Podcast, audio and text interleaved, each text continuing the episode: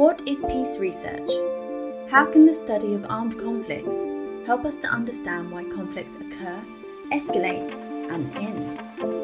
The Department of Peace and Conflict Research at Uppsala University has been working on building the foundations for understanding these critical questions since 1971. Researching Peace is a podcast celebrating 50 years of peace research at Uppsala University.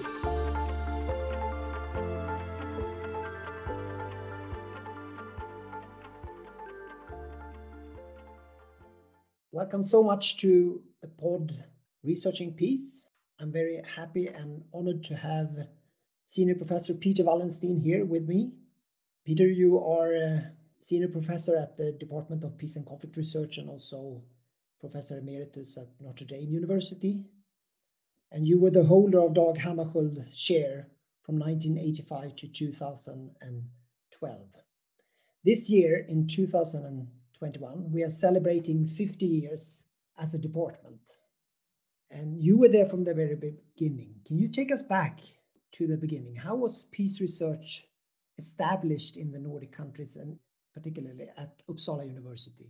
Thank you very much for inviting me, and uh, I'm happy to talk about it. And we have then to go back to the 1960s. Uh, we are in the middle of the Cold War. We have had the experience of the Cuban Missile Crisis. A lot of people were wondering what will be, will there be a life or not? And in the midst of this, uh, there is a, a, concern about peace and security. The origin for our department is really the inspiration from the Peace Research Institute in, in Oslo, in Norway. Uh, and that inspired young people here at Uppsala University. It also led to the establishment of SIPRI, the, the Stockholm International Peace Research Institute, in 1966. Uh, and being one of these young students, I was concerned about the nuclear issue, of course, but also about the, the uh, compulsory conscription, the military service. Uh, we were also debating the arms industry and its role in promoting tensions around the world. Uh, so when uh, Alva Myrdal, who was the member of the cabinet uh, and the disarmament negotiator, presented the bill about SIPRI, it also included a statement that universities should play a role in peace studies and peace research. And that's what we pushed a, group of young people uh, and led to the development that finally resulted in creating the department in December 1971 uh, within the university.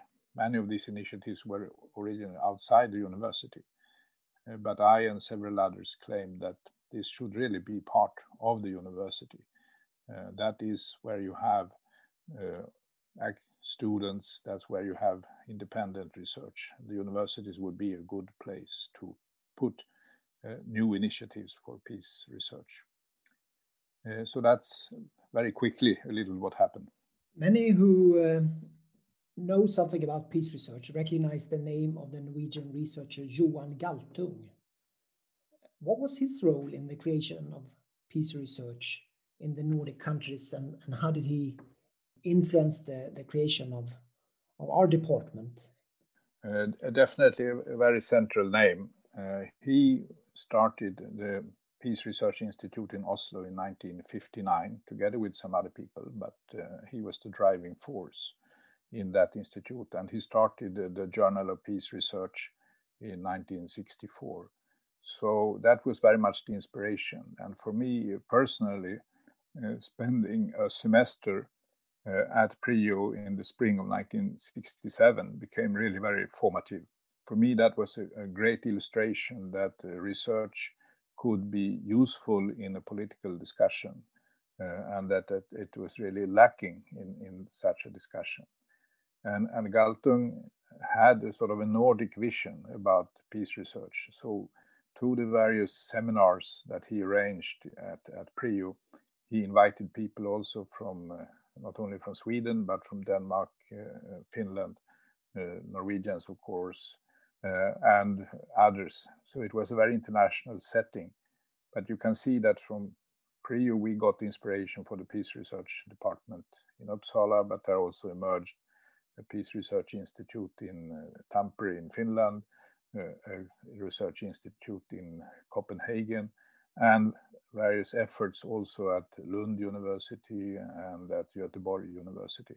So he was very central as an inspiration for the importance of this. And he was supportive uh, also when things became difficult for these institutions. Uh, he was supportive of them retaining their independence and retaining their focus on peace. So you can say organizationally, he was very important. He was also, of course, in those days, writing really interesting, provocative, methodologically sound articles, notably in Journal of Peace Research, uh, which also demonstrated the range of topics that we need to, to cover. And then, of course, he was a very good teacher in pedagogics, uh, presenter. his lectures were always very inspiring. And so, in that sense, peace research in Scandinavia would not have existed without these efforts by, by Johan Galtung. You mentioned that you were part of this as a young student, and to a large extent, uh, the sort of origins of the department driven by student initiative. How do you think that that influenced and affected the, the formative phase here of the department?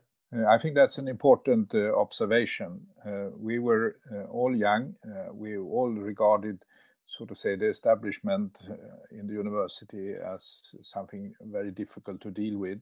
And uh, uh, in that sense, we're energized by many of these radical movements that went on around 1968, 69, 70, uh, which was really sort of action oriented. We should do something.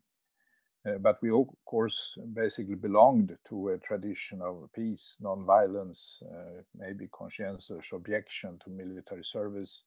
Uh, so it was not a revolutionary group in that sense, but it was an activist group.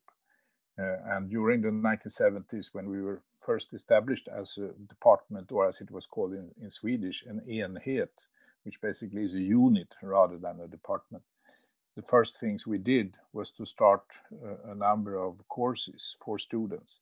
Uh, and that created, so to say, a pressure for more students that there should be more being done.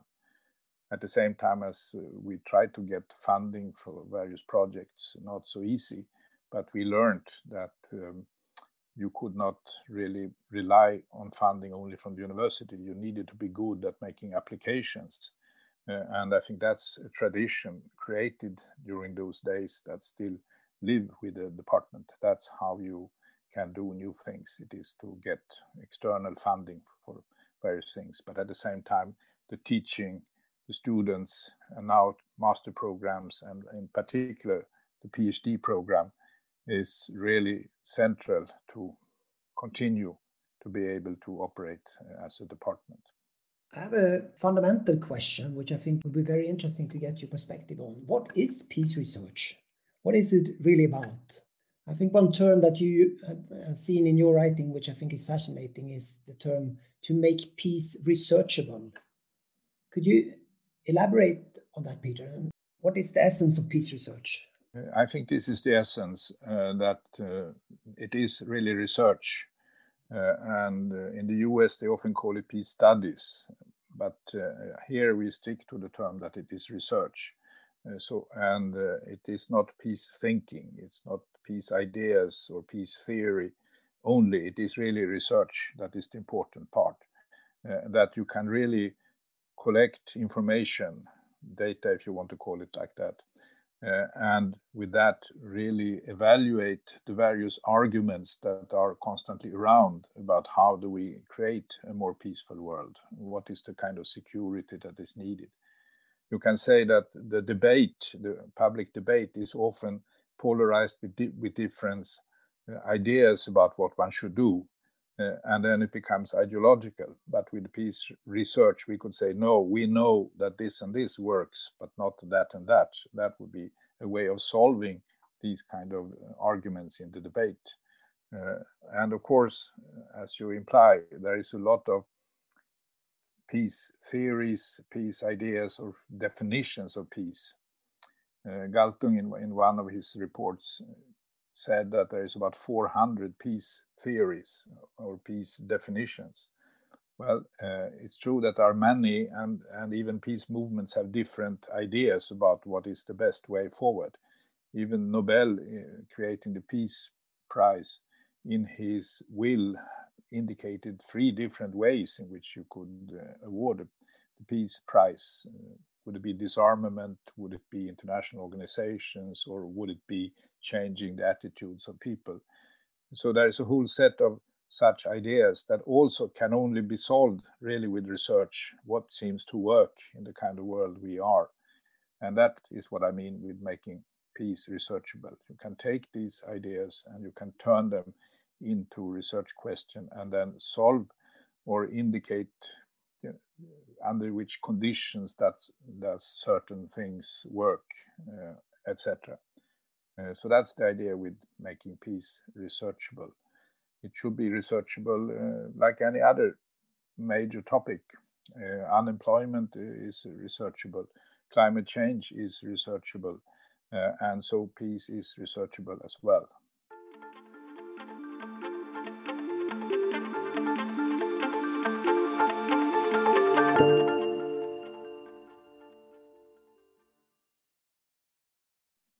Peter, I remember when I was a young uh, student, one of the first lectures that you gave, you talked about peace research and you divided it up into sort of one uh, warm and one cold element. Peace and research as two different things. And the, the interesting aspect with peace research is how to, to combine those different elements. So the, the heart and the brain, I think you refer to those pictures as well. Could you elaborate? Do you remember that? Could you elaborate on that? Yeah, yeah. I, uh, no, no, that's I do remember it, and and of course you can say that research should, in that sense, be cold, chilly. It shouldn't have any uh, preconditions, so to say, about uh, what the outcome can be, and that's the the cold part of it. Whereas peace is, of course, something that we really want. That's the warm thing. That's the vision of a society where we live with uh, manageable fears and with more justice, etc. Uh, and that's the thing. How do you combine this warm and the cold into one effort? And I think that's what we have shown over these 50 years that it is really combinable. You can have this idea that uh, peace is uh, attainable, but also that peace needs to be researchable. Uh, and many have said, uh, you know, we can do research about peace, but does that necessarily mean that we are for peace? I think one needs to have both. You need to be in favor of peace and you need to be able to research about it at the same time. So you need to have those two parts. And I think what you said is that anybody consists of both the brain and the heart. Uh, and so should peace research if it's going to really function. Peter, you, you have been around in the world and you have visited many different centers and departments and universities where peace research is uh, studied and, and, researched. In Uppsala, we have organized ourselves as an own department, the Department of Peace and Conflict Research. But in other places in, around the world, and including in the Nordic countries, peace research have been organized differently. Sometimes as a multidisciplinary center, sometimes as a subunit to political science. There are many other forms as well. Now, what are, from your perspective, the pros and cons for Uppsala's particular way of creating a space for peace research? Uh, yes, this is uh, goes back to the debates there in the uh, late 60s. Uh, the peace research institutes that existed were all outside the universities, and people were saying that that's the only way we can operate. The universities are too conservative, uh, will be hopeless to, to do something within the universities. We will only be marginalized, be marginal parts of political science or sociology or psychology or so. Uh, uh, and so the conclusion from, to if we are going to do peace research inside university, the conclusion is that we have to have maximum maximum autonomy uh, for it. Uh, and in the end, the experience was that when we were defined as a unit, we were not getting resources on the same level as other uh, inst institutions or, or, units. It was a continuous fight. We were regarded uh, as some strange things that was probably going to disappear. Uh, and that's why the conclusion was drawn, so to say, from the empirical experience that it's only as a department we can really survive here. Uh, uh, and when the chair was created, the Dag Hammarskjöld chair, 1981, uh, as a memory of Dag Hammarskjöld's death 20 years earlier, that became, so to say, the big issue. Should this chair be uh, part of an existing department or should it be part of this unit? And that unit then would be upgraded to become a department. Uh, and that resulted in a big battle, which really confirmed all the worries people had about universities that uh, the existing unit eh, departments will grab this new resource and turn it into something much less of what we had expected. Uh, so you can say there is a sort of a historical experience here that in order for this to survive, it needs to be a department on the same level as all other departments in this, in this case, in the School of Social Studies. Uh, so that's an empirical experience. I also think it is an important one. The autonomy is an important uh, experience that it has to be a place where peace is the central topic of discussion during, or peace research rather, is the central topic of discussion in staff meetings, in the research seminars, etc. Uh, so you need that autonomy in order to make this uh, doable. But you are absolutely right. Uh, other departments uh, have made different ways. Political science in some places are divided into sort of political science, but then also have the possibility to have a PhD in peace studies or peace research uh, within the same uh, department. Uh, that was not options that were available in the 1980s. And uh, now there are more options, more possibilities. But in a sense, the fact that we have one department which entirely peace research uh, makes it strong.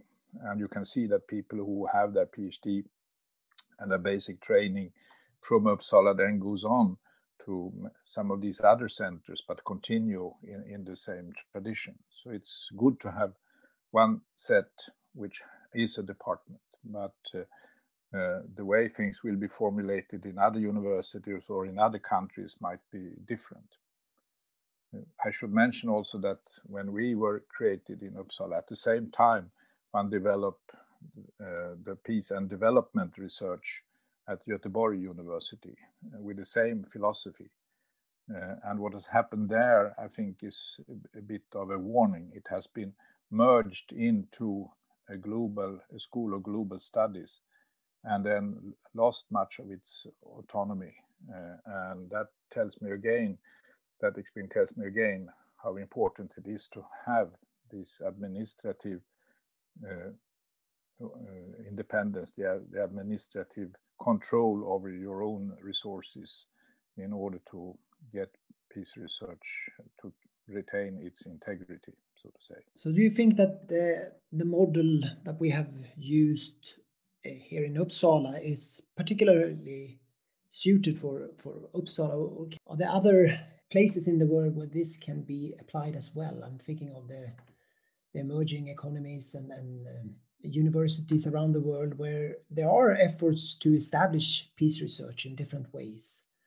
In what way are the experiences and insights from, from our department in Uppsala important for, for them to create a space for peace research? I, I think there are many important lessons from, from this history, uh, and uh, in particular, the, the possibility of having control over your own resources and, and set your own agenda, uh, but also to be treated on an equal level with other units in, in a university. Uh, and I would say, in, in particular, important is the possibility to, to have your own PhD program, because that is really what helped to lift the Uppsala department. Uh, and as you mentioned in your introduction, uh, I was also for a period associated with the University of Notre Dame in the US and the Kroc Institute. Uh, and the way I became associated with them from 2006 onwards was that they had the ambition of developing a PhD program. Uh, and they really looked at Uppsala to see how had we done it in Uppsala. And then they created their own form of a PhD program. Uh, but that has again done exactly the same thing. It means then that there is a, a group of people that have a PhD in, in peace, as they call it, peace studies, uh, that continue to work along these lines at other universities and so on. So it that is sort of central. It helps to build up your own milieu to have uh, this autonomy and these PhD programs, but it also helps to lift others elsewhere and make peace research uh, acceptable, uh, legitimate, and even uh, seen as to be perhaps more creative or more forward looking than many other disciplines, particularly in the social science. So, in a sense, we can be an inspiration, I hope, not necessarily a model, but an inspiration for others that you can do this, but you have to do it within your own setting. So, looking back at these 50 years, what are the main achievements of peace research uh, coming out from Uppsala University? Uh, yes, in terms of, of research, uh, definitely the, the Uppsala conflict data program is one of them. Uh, and uh, it has become a central source. It was started by myself and a colleague in 1978 at a very small scale and it's really become uh, an important provider of data uh, on conflicts around the world, even setting some of the norms for how to how to do this. And the inspiration again came from other places, for instance, uh, University of Michigan's uh, Correlates of War program. Uh, but that is, I think, a big uh, important thing. But it would not have been possible by itself. It is part of the of the department as such that makes it possible because it means there are lots of people with insights that uh, can work on this. Uh, and that created a, a, way of demonstrating that this type of systematic research which is very explicit about uh, hypotheses uh, and uh, about how you collect information very transparent all that helps to set a pattern for all the other types of research whether people do it through quantitative studies or comparative studies or, or case studies. This systematic, uh, this focus on asking the same question in the same logical, rational way and looking for evidence. I think that's the ethos of this. And that is, I think, very good to demonstrate that it can be done like that also in the peace in the peace field. But then, of course, there are a whole set of other projects uh, that have helped move research forward. Again, speaking on my own things, it would be sanctions issues. Uh, speaking about things that uh, you are doing, Isaac, it would be matters of mediation. Uh, but we also have studies on non-state violence and one-sided violence, genocides, uh, matter like that that people have dealt with. Uh, and of course, in, in recent years, many concerned about climate change. Uh, and I think all this points to the range of work that is included in what peace is all about. But uh, the main achievement, I would say, is that the, the department has shown that peace really is researchable uh, and that there are lots of insights uh, that can be used Uh, for changing the world and, and in influencing politics if politics is interested in changing these dimensions that we work on.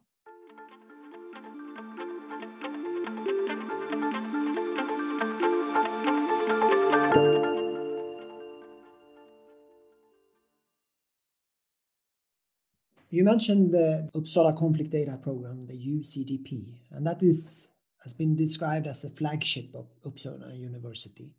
And it is a data set that sets a global standard for how to measure armed conflict and organized violence. Could you tell us more about the origins and how it all started?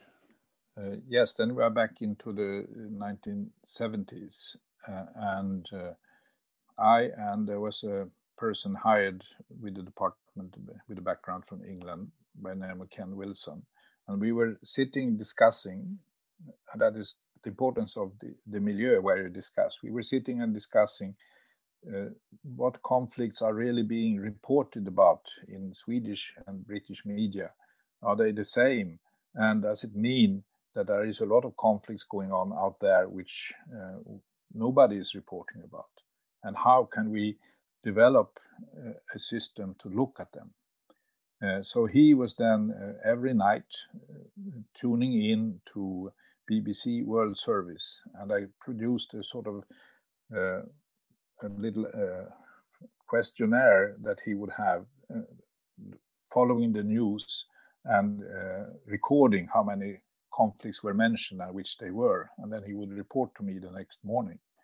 and then we started to see this pattern. Yes, there is a whole set of things that are never appear in media and doesn't seem to be important in the Western world at least, but uh, uh, needs to be recorded. Uh, so we started with that, with a sort of a curiosity here about you know, what is going on. And the first investment was really uh, thinking about him being much older than I, uh, that he was, uh, it was tiring from him to listen at midnight to the BBC World broadcast. So the first investment in this program became a tape recorder and a timer that would uh, switch on the, the, tape recorder at midnight, and then he could uh, look listen to that in the morning instead. And that turned out to be a, a, a fascinating way, and of course led us then to what is the question: what is a conflict? How do we define a conflict? Uh, and the project gradually grew. Some of the PhD candidates that emerged, like Birger Heldt, uh, came up with new ways of defining the key terms. Uh, and so for the next 10 years, you can say the program became sharper and sharper in the way they were collecting things. And at the same time, uh, when the internet started to emerge in the 1990s, it became much more possible to collect this kind of information and it simplified it but it also, of course, led to the possibility of asking new questions, not just about the conflicts uh, and their development and who was involved, but also other types of conflicts, like uh, uh, conflicts between different uh, rebel groups uh, or uh, genocides, but also peace and peace agreements and so on. and that became the increasingly more complex um, UCDP. And one of the main achievements was uh, in a decision in 2009 when the university, encouraged by the Ministry of Education, came in as the one providing the, the core funding of this program with exactly this argument you mentioned that this is a flagship not only for the department but for Uppsala University as such. Uh, and that, of course, simplified life because up till that point we have constantly been making applications to just sustain this effort of, of collecting this data. Uh, and now I hope it will be defined as a national infrastructure and in some way, uh, in that sense, retain its uh, stability and its permanency because all this data become useless if it's not possible to update them year after year. So uh, I think this is an, an, important contribution to peace research and something that people know about. Maybe the only error here is is is in the name, the Uppsala Conflict Data Program. That data is understood always to be very quantitative uh, and what what we really mean is it is systematically collected information. And much of the information is not in zeros and ones or something like that. It is uh, entire stories that are uh, told through this program. Uh, but otherwise, I, I, think it has worked. Uh, and I, I, left as the director of this uh, six years ago, and I'm happy to see how it uh, continues to thrive and develop. One of the central ways in which we define armed conflict in Uppsala and in particularly in the UCDP is the concept of incompatibility. And this is a concept that uh, to some extent separates UCDP from other data sets, pre-existing data sets on, on armed conflict and political violence. Could you explain why it was so important from your perspective to collect information on what the parties thought that the conflict was about? Why is that important to, to document?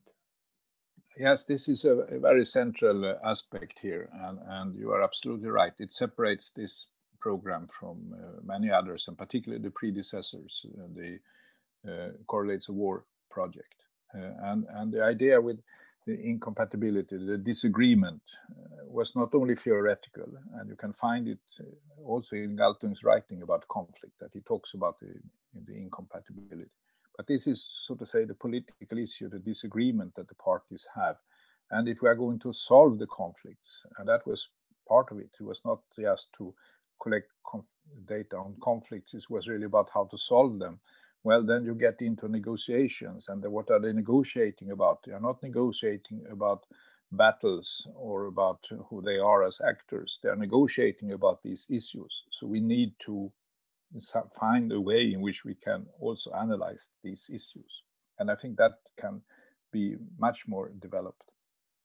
If you go, say, to the Correlates of War project, they only have uh, uh, wars that are run by governments or state-like entities and how much how many people are being killed. That's the two variables. And in one of my big discussions with uh, J. David Singer about that I criticized him for this and said, You have nothing about what these conflicts are all about, how they are motivated, what the actors say they are fighting for. And he was extremely dismissive and said, No, those are just, you know, post hoc rationalizations. It's all about uh, power and nothing else. And it's no use to try to collect that kind of information. And, and when I insisted that, no, but if we are going to be of use to negotiations, and find ways out. We need to do it. And that's when he, a little irritated, said, Well, if you don't like what I do, do your own thing. Uh, and uh, I thought that was a pretty good statement. And as you can hear, I do remember what he said, although it's uh, 40 years ago. Um, and so I said, okay, I saw that as an encouragement. Let's get into this with this uh, disagreement and the incompatibility. Uh, and now we have projects in, in the department trying to elaborate on what this disagreement could be all about. But it is a way of finding out what seems to motivate parties. How do they explain to the outside world what they are doing? But it is also the thing that they will need to deal with when they are trying to end wars and negotiate them uh, and find the peace agreements. Then these these are the central matters, and we need to have a handle on that as well. I wonder if you, during these 50 years, have sort of encountered critique against peace research. One line of critique is, is from a, a critical tradition. Uh, and this is have arisen the, the last years, a critique against the classical approaches of peace research. Because peace research is seen as sort of systematically favoring the status quo. It is not emancipatory. It has um, lost its focus on justice and other elements that could be contained in the concept of positive peace, and it focuses only on peace on, as absence of war, and it's it's not challenging present power structures, but just replicating those. Have you encountered this line of critique before, and how, what is your take on this? Yes, uh, this is a, a, critique that has been there early on, and you can go back to an article by Herman Schmid in 1968 in Journal Peace Research, uh, arguing the same thing, but from a sort of more Mar- Marxist uh, perspective. Uh, so indeed, that is a challenge that we need to be aware of it. It, should not just be uh, res results that says the status quo is fine. Uh, and uh, it also come up lately in, in the discussion about uh, um, peace building, for instance. What kind of peace building will result after a, a war if there is a peace agreement? And, and, will that just cement, so to say, the power of these uh, uh, actors, the military actors, uh, and so on? I, so I think that's an important critique, uh, and I, try to respond to it by the concept of quality peace, uh, that we should not just think about the peace that comes after war, the war has stopped, that's fine. No, we need to be attentive to what are the factors that was actually creating the war in the first place, and have they been really handled through the ending of the war, or are there a likelihood that these wars will come back again? and what will then be needed in order to uh, make uh, uh, the peace of such a quality that it will, will, will be lasting.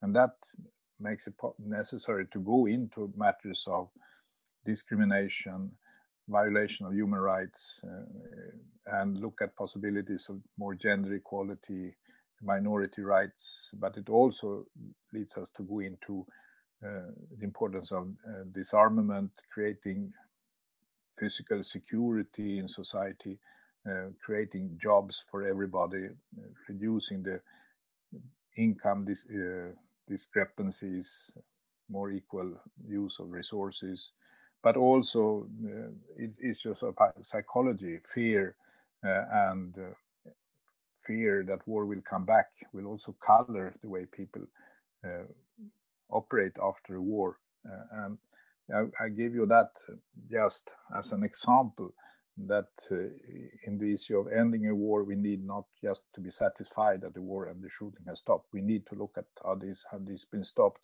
under conditions that uh, really will lead to more of human satisfaction in, in, in life and respect for human dignity and that's the ending of war. But you can take that uh, to uh, other concerns as well. But the, we need all the time to be clear that what we are talking about are factors that really can lead to war. Uh, uh, that still becomes the, the, ultimate thing that people are being killed deliberately for a political purpose. Uh, to avoid that is continues to be important. Uh, if we miss that focus, I think we miss something important.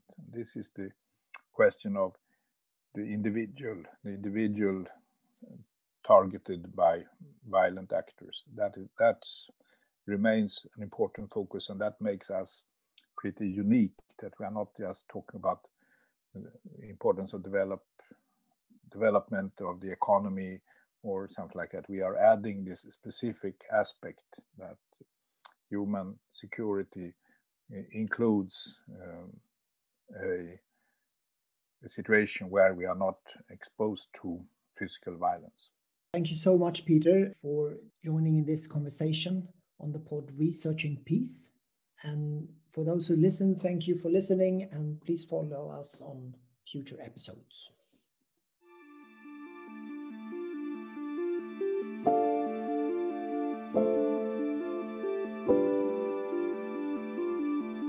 What is peace research?